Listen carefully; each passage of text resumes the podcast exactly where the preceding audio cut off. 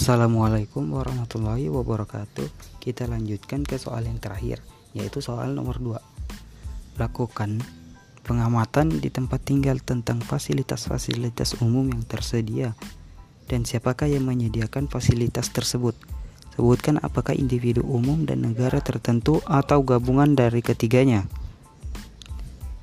Nah, nama kecamatan, nama kecamatan dan kelurahan.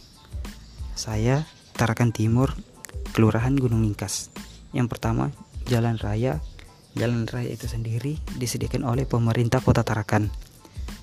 Yang kedua, jalan kampung oleh pemerintah kota dan masyarakat.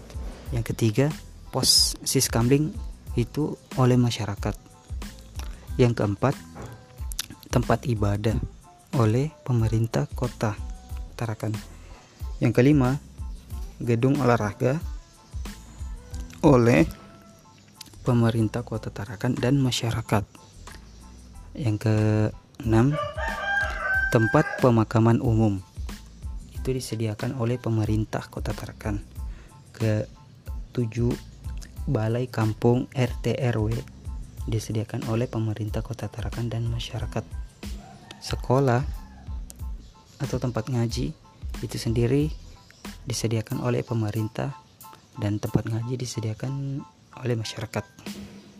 Yang ke kedelapan pemadam kebakaran di pastinya disediakan oleh pemerintah Kota Tarakan. Kesembilan tempat pembuangan sampah disediakan oleh pemerintah Kota Tarakan dan masyarakat. Kesepuluh kios kios atau toko kecil oleh pribadi